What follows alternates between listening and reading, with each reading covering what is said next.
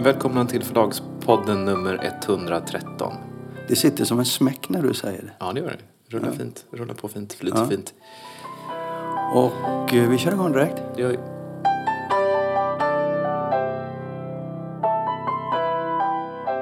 Här följer nu ett samtal med Thomas Olsson där jag frågar honom hur eh, Stockholms bokhelg gick. Thomas Olsson är ju en del av förlaget Kaunitz Olsson där Martin Kaunitz och Thomas Olsson var de som låg bakom idén till Stockholms bokhelg. Och så här låter det när han summerar bokhelgen. Äntligen över, eller vad säger man? Ja, vi är framförallt väldigt glada att, vi, att det gick att genomföra. Eh, när vi planerade i, i våras så visste vi inte hur coronarestriktionerna skulle vara.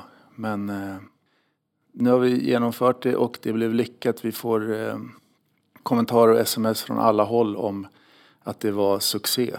Både från eh, förlagshusen till bokborden, från stora scener till enskild bokhandel. Eh, att det här är någonting som folk har längtat efter. Det här fysiska mötet mellan författare och läsare och att förlagen också får träffa sin publik. Vad betyder succé i det här fallet? Nej, men att det har varit mycket eh, besökare som har kommit. Författarna eh, har varit nöjda. Att man kan ha kunnat haft releaser för böcker som har kommit under det här ett och ett halvt året som eh, det här inte har varit möjligt på, på det här sättet. Så för besökare och arrangörer har varit nöjda. Både vad gäller antalet eh, som har lyssnat på seminarier och samtalen och i bokförsäljning. Vad säger de nu som har varit med om nästa år då? Ja, många har ju redan börjat planera för nästa år. Och hur de ska kunna eh, planera lite bättre. För att förhoppningsvis så, så kan man planera lite tidigare. Och att man vet hur restriktionerna ser ut då. Så att många har redan eh, funderat på hur man ska göra det här bättre 2022. Och när sker det nästa år då? Nästa år så kommer Stockholms bokhelg äga rum 25 till 28 augusti. Så ni fortsätter även om eh, Bokmässan i Göteborg kommer upp i full fart? Ja, för att det här, vi- ser ju inte det här som någon konkurrent eller så, utan det här är ju ett komplement. Och i år så var ju det här förmodligen det enda sättet för förlag och författare att träffa läsare fysiskt. Eftersom det har varit utspritt i hela Stockholm. Även om det har varit mycket folk så har det inte samlats så mycket folk på varje enskilt, enskild lokal. Och även om Bokmässan öppnar upp nästa år och tar över den delen så är det ändå Göteborg, det är 50 mil härifrån. Vi ligger en månad tidigare och vi har ett helt annat upplägg där vi bjuder in läsarna till förlagen. Var det någonting som förvånade dig då under den här helgen? Att det gick så bra så som vi hade hoppats och planerat efter. Vädret var ju ett orosmoment men det var lite regn på, på fredagen men annars så var det ju fint väder. Lördagen var ju helt otrolig. Att allting klaffade och att den här kartan fungerar. Det är första året som vi gör det här. Och det är mitt i en pandemi. Men att den här fysiska kartan som Martin Kellman tecknade, att den spreds och att den, eh, folk förstod hur de skulle navigera efter den runt i stan. Både jag och Martin är jättenöjda att, att det kunde bli så som vi hade planerat med det här. Ja, det, det var ju just den här sidan som jag, som jag gillade då. Det var ju att var och en fick ansvar för sitt eget så att säga. Ja, Och eh, det gjorde ju att trycket på er kanske inte var lika högt som det annars på organisatörer. Nej, precis. Och att vi inte har suttit i mitten och bestämt massa grejer. Ni får inte göra det där. Utan att det är upp till var och en. Och att genom att alla förlag och andra medverkande har attraherat sin publik att komma. Istället för att ha en releasefest eller ett samtal och sen så har alla förlag det och så är det utspritt under hela hösten. Så gör man det samma helg, när man kommer till till exempel Lind Company och lyssnar på ett samtal, då är man ändå ute på stan, man ser kartan, ja men då kan jag gå till Norstedts och lyssna på det här samtalet eller gå till Gamla stan. Att, man liksom, att pub, ens eg, förlagens egna publik också rinner över på de andra medverkande. Det är det som är hela liksom, idén med det här. Du låter väldigt, väldigt nöjd eh, och det är svårt att dra ut på en nöjd beskrivning. så så jag, jag tänker att vi, vi stoppar här. Mm.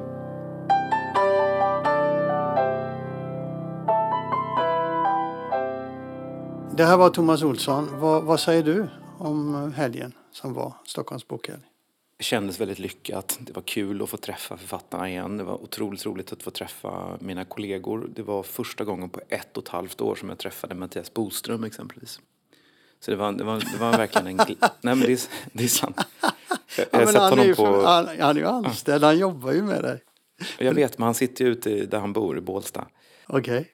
Så vi har ju på Lind Company följt Folkhälsomyndighetens eller rekommendationer. Så det är ju bara ett, en handfull personer, på två, tre personer som har varit inne på kontoret. Det var väldigt kul att få träffas, även för många författare som man har haft mycket kontakt med och inte träffat. Så det var jättekul. Och det var, vi hade program här på förlaget som vi har filmat. Det kommer släppas filmer lite successivt. Och det kändes också väldigt kul. Du och jag var ju med där. Det var väl, en rätt, det var väl bra, tyckte inte du också det?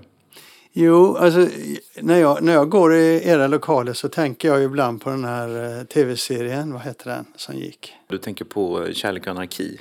Ja, och då, jag menar lokalerna. Ni har ju lokaler som inte är som deras exakt, men ändå om man tror att det ser ut så på förlag så känner man igen sig när man kommer på Lind Company. Ja, fast det, så fint är det inte. Kärlek och anarki, det var ju en av de saker som vi sa att det finns inga förlag som ser ut sådär. Det såg ut som en, en eh, advokatbyrå eller reklambyrå. Jo, men jag menar ni har ju eh, flådigare lokaler. Ni har lite mer trä och sånt i väggar och sånt. Men det är ju ändå liknande tycker jag. Jag gjorde ju så att jag cyklade runt eh, för att få med så mycket som möjligt där på lördagen. Och överallt där jag var, på, på förlag, på scener, i bokhandlar så, så har han rätt Thomas Olsson. Det var väldigt mycket, väldigt trevligt. Jag tyckte att det var en succé. Det var mycket folk. Till exempel när jag lyssnade på Åsa Linderborg nere på på Lars utomhusscen så var det väl mellan 100 och 150 pers. Men Oj, när, ja, vad roligt. Ja, och när vi höll på du och jag så var det inte så många för det var inomhus. Men det var ju, det var ju tätt, det var roligt. Det var mycket ändå. Ja, det var roligt. Och sen så, ja. Och sen så cyklade jag ju till Naturkultur och jag hade fått för mig att de inte gjorde så mycket.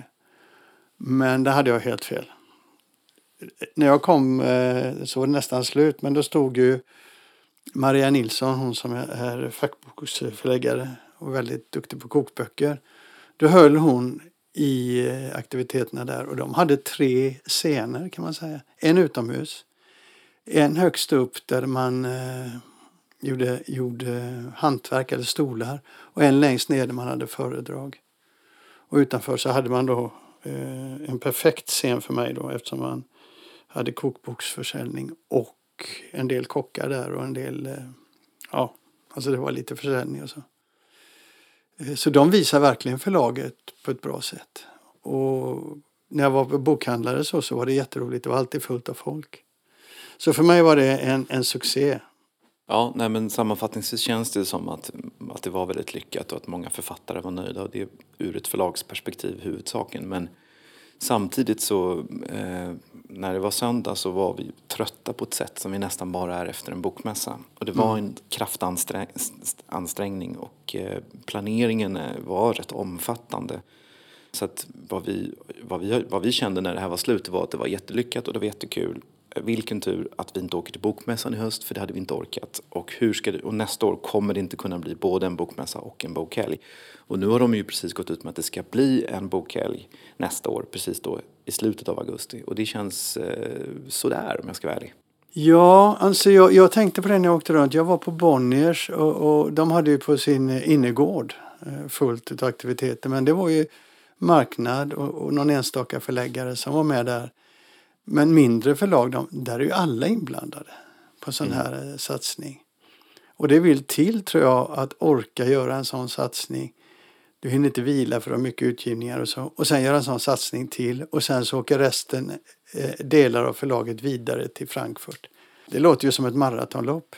Det, det blir som ett maratonlopp och eh, det är också liksom eh, laguppställningen. Det ska, ska det vara samma personer som är med på bokhelgen som är med i, i Göteborg? Det, och det, för oss var det ju också en stor, en stor organisation. Vi har många författare som inte bor i Stockholm och de åkte ju hit och vi hade en jättetrevlig middag på von der palatset och sådär. Men det var, allt, allt var jättekul. Men, men det är eh, slutet av augusti, en, eh, det ligger för nära bokmässan i Göteborg. Och, eh, nu blir det då både bokmässa och bokhelg och för oss så innebär ju det att vi kommer inte kunna Vi kommer inte kunna satsa lika mycket på båda, båda evenemangen utan det måste liksom på något sätt dras ner. Antingen om man drar ner på båda eller om man drar ner på det ena.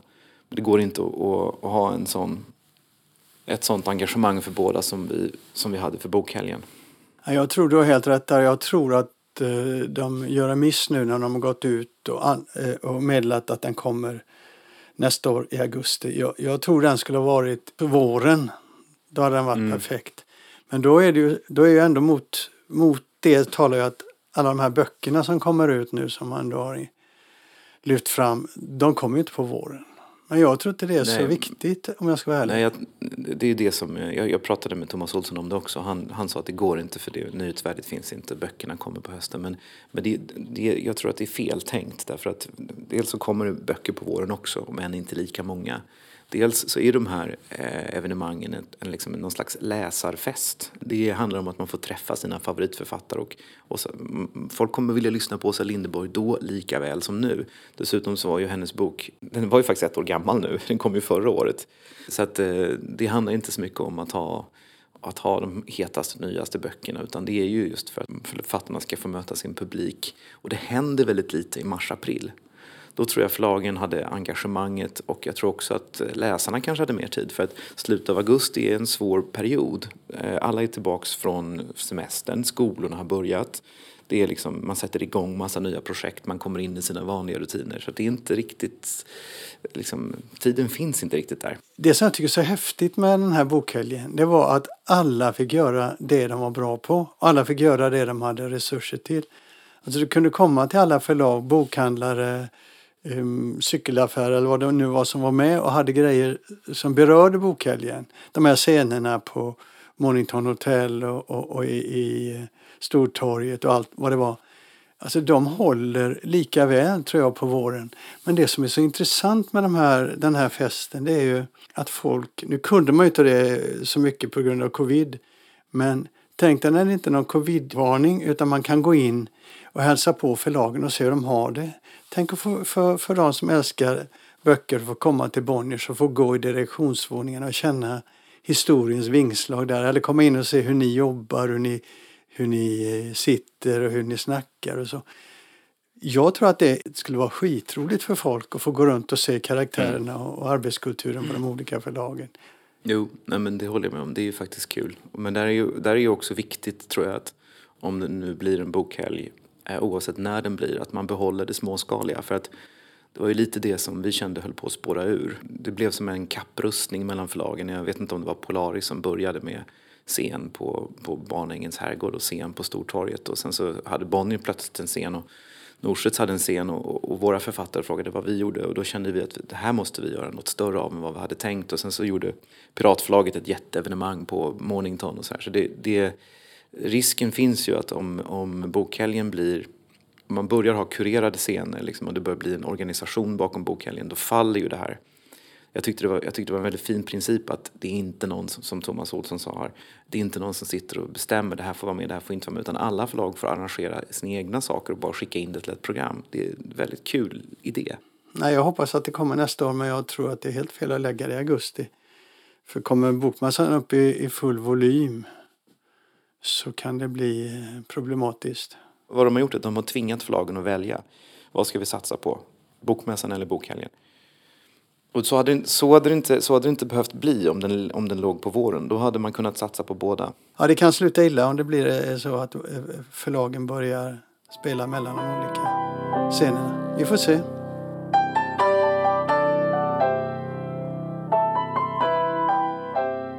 Du fick ett brev, Kristoffer, eller rätt sagt du fick inte, men en av dina författare, Mikael Ressen, fick ett mejl från en konkurrent. Mm, det var ett mejl där de helt enkelt mejlade honom och sa att ska du inte byta förlag, vi är mycket bättre och vi älskar dina böcker.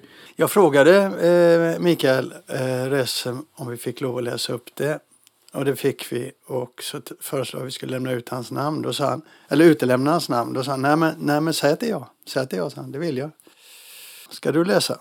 Okej, okay, jag läser. Vi på Bokfabriken älskar dina böcker, även om det är lite kämpigt när de gång på gång knuffar ner våra från topplistorna. Och vi tycker det är synd och skam att de sällan blir inbundna. Emellanåt pocket om jag förstått processen korrekt. Den gängse bilden i branschen tycks vara att läsarna delas upp i två läger. De som lyssnar och de som läser. Men vi är övertygade om att det fortfarande finns en inbunden marknad för böcker som slår stort som ljud.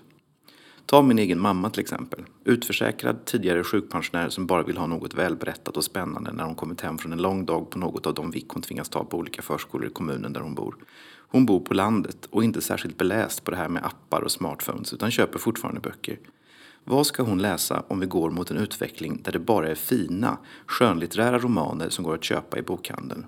Medan all underhållande genrelitteratur flyttat ut på streamingtjänsterna. Det finns många som hon, särskilt på landsbygden. Vi vill alltså motverka utvecklingen och satsar snudd på genomgående på alla format för våra böcker. Även om den rent digitala utgivningen kan vara snabb och underbar och inte ska baktalas. Hur som helst, dina böcker är för oss typexempel på böcker som älskas av många. Det bevisar de gång på gång, men kanske också missar en stor potentiell läsekrets i och med att det inte görs som inbundet. Så låt oss bli konkreta. Hur ser det ut framåt med din utgivning på Lind Company av dina båda serier? Om kontrakten är skrivna på många delar är vi flexibla och kan tänka oss en omstart med en ny serie. Med tanke på din arbetsbörda som jag gissar är stor med jobb och skrivande kan vi även tänka oss en lösning med att para ihop dig med en lämplig medförfattare för att minska arbetsbördan. Vi är öppna för alla möjliga tänkbara förslag och lösningar. I vilket fall som helst skulle vi älska att arbeta med dig och satsa mot alla format. Hoppas det låter intressant. Slå mig gärna en signal eller fråga på det här. Du nämner inte vem som har skrivit mejlet? Nej, vi kan väl hoppa över det, men det kom från Bokfabriken. Ja, det är en av deras representanter. Ja, hur reagerade Micke då? Han svarade så här. Hej, det är alltid smickrande att få frågor om samarbete. I det här fallet är det dock inte möjligt eftersom jag inte kommer att lämna Lind Company. I den mån jag kan skriva fler serier kommer det också att ske hos Lind. Men jag önskar mig en fortsatt fin dag. Mikael Resse. När jag såg det så, så tänkte jag bara liksom, hur dumma får de bli? Och du blir som vanligt rätt förbannad om jag inte missar något här. Nej, men eh, det finns ju eh, flera saker här som är väldigt intressant. Vi har ju tidigare talat lite grann om det här med hur man eh, om att stjäla andra förlags författare, om att liksom hur man gör och hur det går till och så vidare. Och vad man kan säga till Bokfabrikens fördel här är att de är väldigt raka, de är väldigt tydliga, det är inget konstigt på det sättet. Men det här är ju ett ganska fräckt mejl och jag skulle säga att för 10 och 15 år sedan så hade ett sånt här mejl varit fullständigt otänkbart. Eh, men bokbranschen har ju blivit liksom råare, fulare. Eh, och det här, men det här är, det här är ett, ett totalt skamlöst mejl skulle jag säga. Eh, men, det, men det, det intressanta med det här mejlet är också att det är många saker som är intressant men det är också att de det finns inte ett ord som handlar om hans böcker. Alltså de, de, skriver, de säger att de älskar böckerna, jag tror inte ens de har läst dem. Det är inte liksom att Åh, Sandström-serien är så bra och jag lyssnade precis på Campingmorden eller någonting sånt. De har, inga, de har liksom inga publicistiska idéer om vad han eventuellt skulle kunna göra. Utan allt bygger på att eh, du säljer bra, vi älskar dina böcker, därför vill vi sätta en, en spökskrivare på ditt namn så vi kan tjäna lite mer pengar. Ja, det tyckte jag var det värsta. Har du mycket att göra så kan vi låta någon annan skriva dina böcker i ditt namn. Det säger ju allt. Ja, den cynismen är ju... Ja, den är speciell. Det är en ny, ny, nivå liksom på låt oss tjäna pengar. Men sen en annan, en annan sak som är intressant är ju det här hur de liksom försökt sno andra förlags författare. Det här är inte första gången som de försöker sno Lind Companys författare. Men de försöker sno andra förlags författare genom att erbjuda pappersutgivning. Och inte bara säga att ja, men papper är svårt liksom och vi vet att affären är på ljud. Utan att försöka få dem att tro att om, han, om bokfabriken får göra papper då kommer det här att lyfta. Därför att de vet hur man gör. Och det, vad gäller Mikael Ressem så har ju vi försökt med papper. Vi har försökt både inbundet och vi har försökt med pocket. Och det har varit väldigt svårt. Och han är också mycket, mycket, mycket produktiv författare och då blir ju papperslanseringarna ännu mer komplicerade för du kan inte ge ut liksom tre inbundna och tre pocket om året. Eh, men jag tror att de helt enkelt räknar med att eh, pappersutgivningen är en förlustaffär men det blir ett sätt för oss att, att attrahera författare. De är ju inte så dumma så att de tror att de kan vända en utveckling. Sen är ju den här snyfthistorien med mamma något hårresande. Ja, det är också löjligt. Den är, den är extremt löjlig den historien.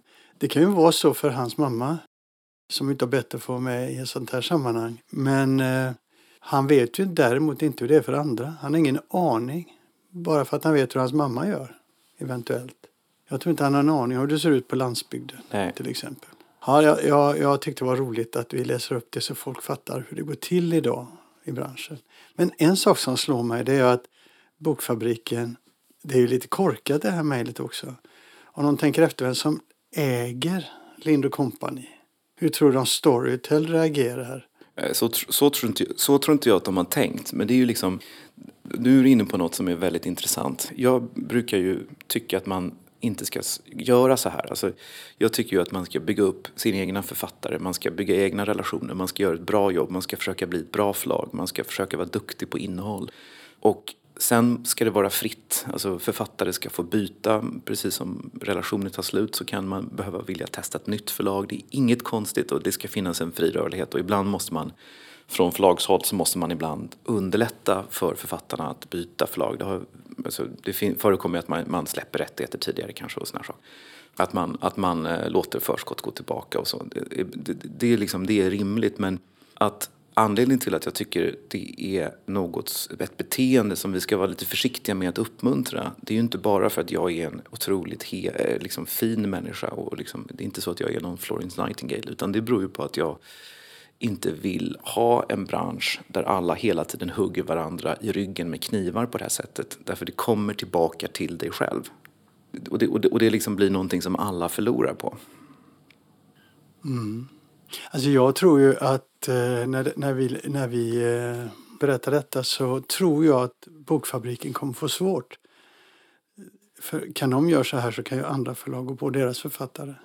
De kan ju inte säga någonting. De tycker att det är okej att göra så. En anledning till att vi tar upp det här där, det är ju för att det här är inte första gången utan är, de har ju gått på rätt mycket av Lind Companys författare. Ja, jag tycker man alltid ska lyfta det. Vi ska inte bara lyfta det som vi gjorde när, när Bonniers eh, tog Jörn Lier Horst. Jag tycker vi ska lyfta när andra mindre förlag gör det också. För jag tycker att folk eh, utanför branschen har rätt att veta hur det går till. Jag tycker att det här är ett svineri som jag alltid har tyckt. Men jag är alltid så ödmjuk i de här frågorna. ja. ja.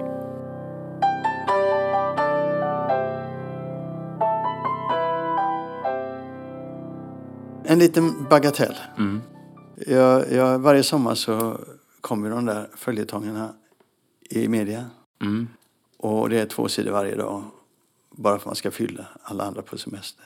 Och jag fattar inte vad de sysslar med. Det är så svintråkigt.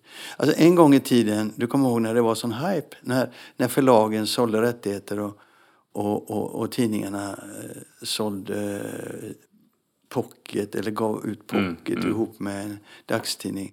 Men när de också sålde rättigheter till såna här följetänger. man plastade, plastade in också och gjorde Ja. mycket billigare på. Och sen, men också följetängerna, för då hade man en analys och tänkte det här fungerar.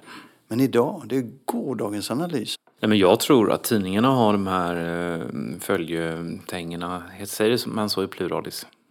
Ja, jag tror det. Eh, För att eh, fylla ut, det är ju väldigt billigt liksom. Eh, de, de fyller ut plats. Men, Men det är klart att det inte är någon som läser dem, det kan jag inte tänka mig, nej. Nej, eftersom utbudet ser helt annorlunda Ja. Du har ljudet, Ja. du, har, Ja. du har så mycket runt omkring. Men det är ju så som den moderna romanen växte fram väldigt mycket. Alltså man började publicera såna här författare som Robert Louis Stevenson, de slutet av Fine, 1800-talet. De började ju med, med såna här Men det är, trött, det är en trött verksamhet som de borde ha analyserat fram, tycker jag. Mm. Att den inte fungerar längre. Vi hade ju, förra sommaren så hade vi, TT tog en av våra titlar och hade som följetong. Och då gick den ju i 25-30 tidningar. Och då publicerades varje dag eh, en, ett stort utdrag men också liksom en kort information om boken. Och i inledningen till att de, innan de började publicera det här så hade de även en intervju med författaren och sådär. Det gick överhuvudtaget inte att mäta att vi sålde en bok extra. Det var nästan totalt obefintligt. Då tänker man den täckningen, den mediatäckningen är ju enorm. Men, men eh, och, jag, och det var inte första gången vi har haft, eh, vi har haft flera gånger har, har TT har valt eh, sommarföljetong från oss. Men det, det har ingen riktig betydelse. Nej. Nej, jag tror alltså att det är gårdagens analys för dagens verklighet. Mm. Jag tror att man kan lägga ner dem. Fast jag tror att, jag tror att det är, du har rätt i det, men att, men att det ändå ser trevligt ut i den tryckta tidningen. Och att det är ju ett väldigt billigt sätt att fylla ut spalterna på. Ja, GP då hade väl extra lång semester på hela redaktionen för de körde både följetong och noveller. Som hade två olika plattformar. Var det nyskrivna noveller för tidningen eller var det? Det, var, det vet jag faktiskt inte. Ett roligare grepp hade ju varit om man, men det är ingen som har pengar, men det hade ju varit om exempelvis GP hade låtit en eh, lokal författare skriva en eh, deckare exklusivt för dem, liksom en följetong exklusivt för dem som inte fanns någon annanstans. Det hade ju haft ett visst värde, kanske. Kanske.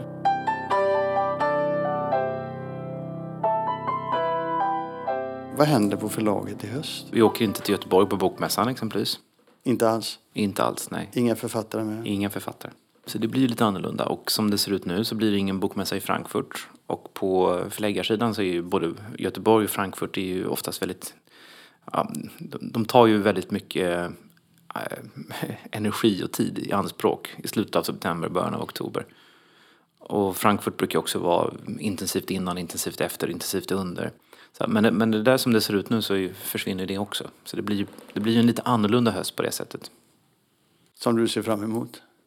Jag skulle gärna åka till Frankfurt om jag ska vara ärlig. Jag saknar lite grann att träffa kollegor. Frankfurt är ju mycket mer en eh, mässa då, som är mycket mer en branschmässa, en mycket mer affärsinriktad mässa. Bokmässan i Göteborg som är trevlig också är ju mer en läsar, ett läsarevent. Och, och um, bra för liksom bokens plats i samhället och bra för författarna. Och så här. Men för förlagen rent ekonomiskt så är Bokmässan i Göteborg mycket utgifter och kanske inte, om man har varit där 20 år som förläggare, kanske inte liksom häftigaste platsen. Men Frankfurt är fortfarande kul för du träffar massor av utländska kollegor. Du kan tip få tips och idéer om inte bara böcker utan hur de jobbar och löser problem. Och du ser massor av saker. Nu jobbar jag ju inte så mycket med översatt längre. Jag har ju inte så många författare, de jag har är mest svenska. Men det är jättekul ändå att komma till Frankfurt. Så det saknar jag lite grann. Men det, som det verkar så blir det ingen Frankfurt. Och på utgivningssidan, hur ser det ut då? Det är mm, många böcker som kommer ut som vanligt. Det är en bra höst. Många böcker är ni ute i höst? Jag har inte räknat efter. Hur många ljudböcker? Det har jag inte heller räknat, men vi har ju minskat i Sverige på vår ljudboksutgivning lite grann. Jag tror att vi 20, 20 eh, gick ner en del. Men det, det är ju många. Ändå är det många. Mm, ändå är det många. Men vi har minskat lite i Sverige. Men det räknas i hundratal. Ja, det är inte flera hundra är det inte, men det är kanske 170. Tre, fyra veckan. Ja, ungefär tre, fyra i veckan, precis. Vi har ju det här med våra poddar, det tycker jag vi ska återkomma till. Vi har inte riktigt kommit igång med det. Vi har bara gjort en podd hittills. Alltså då talar vi om print on print on demand. inte sån här podcast som vi håller på med nu. Det är ju något nytt hos oss som vi håller på med. Så du kan inte mäta den nu, det får vi återkomma till. Och, Ja, vi, vi får återkomma till det. Men vi talar lite grann om hur vi ska jobba med det och sådär. Jag har tidigare sagt att jag ser det mer som en författarvård än som en intäktsström och sådär. Men vi, vi ska liksom ändå försöka vi ska ha en särskild säljlista för poddar. Så att vi liksom eh, informerar bokhandeln så att det inte bara blir liksom något som kommer på sidan utan att bokhandeln får möjlighet att beställa dem, även förhandsbeställa dem om de nu vill ha det. Kan ju, ofta är det ju, kan det vara lokala författare, det kan vara liksom böcker som kan bli ganska stora i den lokala bokhandeln. Så att vi liksom ska försöka verkligen jobba lite mer med, med, med dem även om det inte är på samma sätt en aktiv lansering av en podd. När jag kommer upp nu, eh, till exempel under de här dagarna, eh, bokhelgen, då eh, får jag en känsla att ni är på väg att växa ur lokalerna. Om det inte hemarbetet hade funnits hade vi ju vuxit ur lokalerna, så är det ju. Ho- hos oss är det några som inte vill komma tillbaka. Vad innebär det? Vi har en person som sagt att han vill inte någonsin komma tillbaka. Du ser helt i chock ut. Ja, vad innebär det? Att, att han vill sitta hemma och jobba? Han vill sitta hemma och jobba. De här exemplen som jag nu tar upp, sådana exempel tror jag alla förlag har. Hon, eh, jobbar i, hon bor i Trosa och det är ganska långt att åka från Trosa till Stockholm. Och när hon började på Lind Company så sa hon så här, jag skulle verkligen vilja jobba hemifrån två dagar i veckan. Och det tyckte inte jag var något konstigt. Och nu säger hon så här, ja men det kanske räcker om jag kommer in en dag i veckan. Och det, det, liksom, det har ju funkat hur bra som helst att hon jobbar från Trosa. Vi har ju Marianne som jobbar med våra nederländska ljudböcker. Hon sitter i Sundsvall.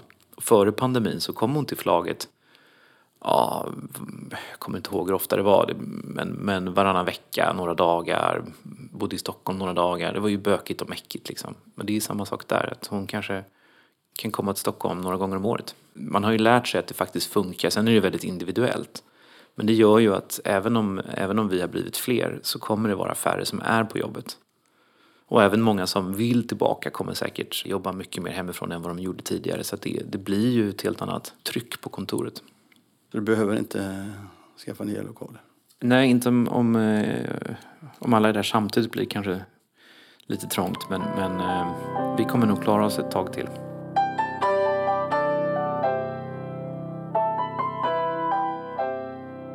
Det var allt för idag. Avsnitt 113 lägger vi till eh, handlingarna och hörs om en vecka. Det gör vi. Hej då.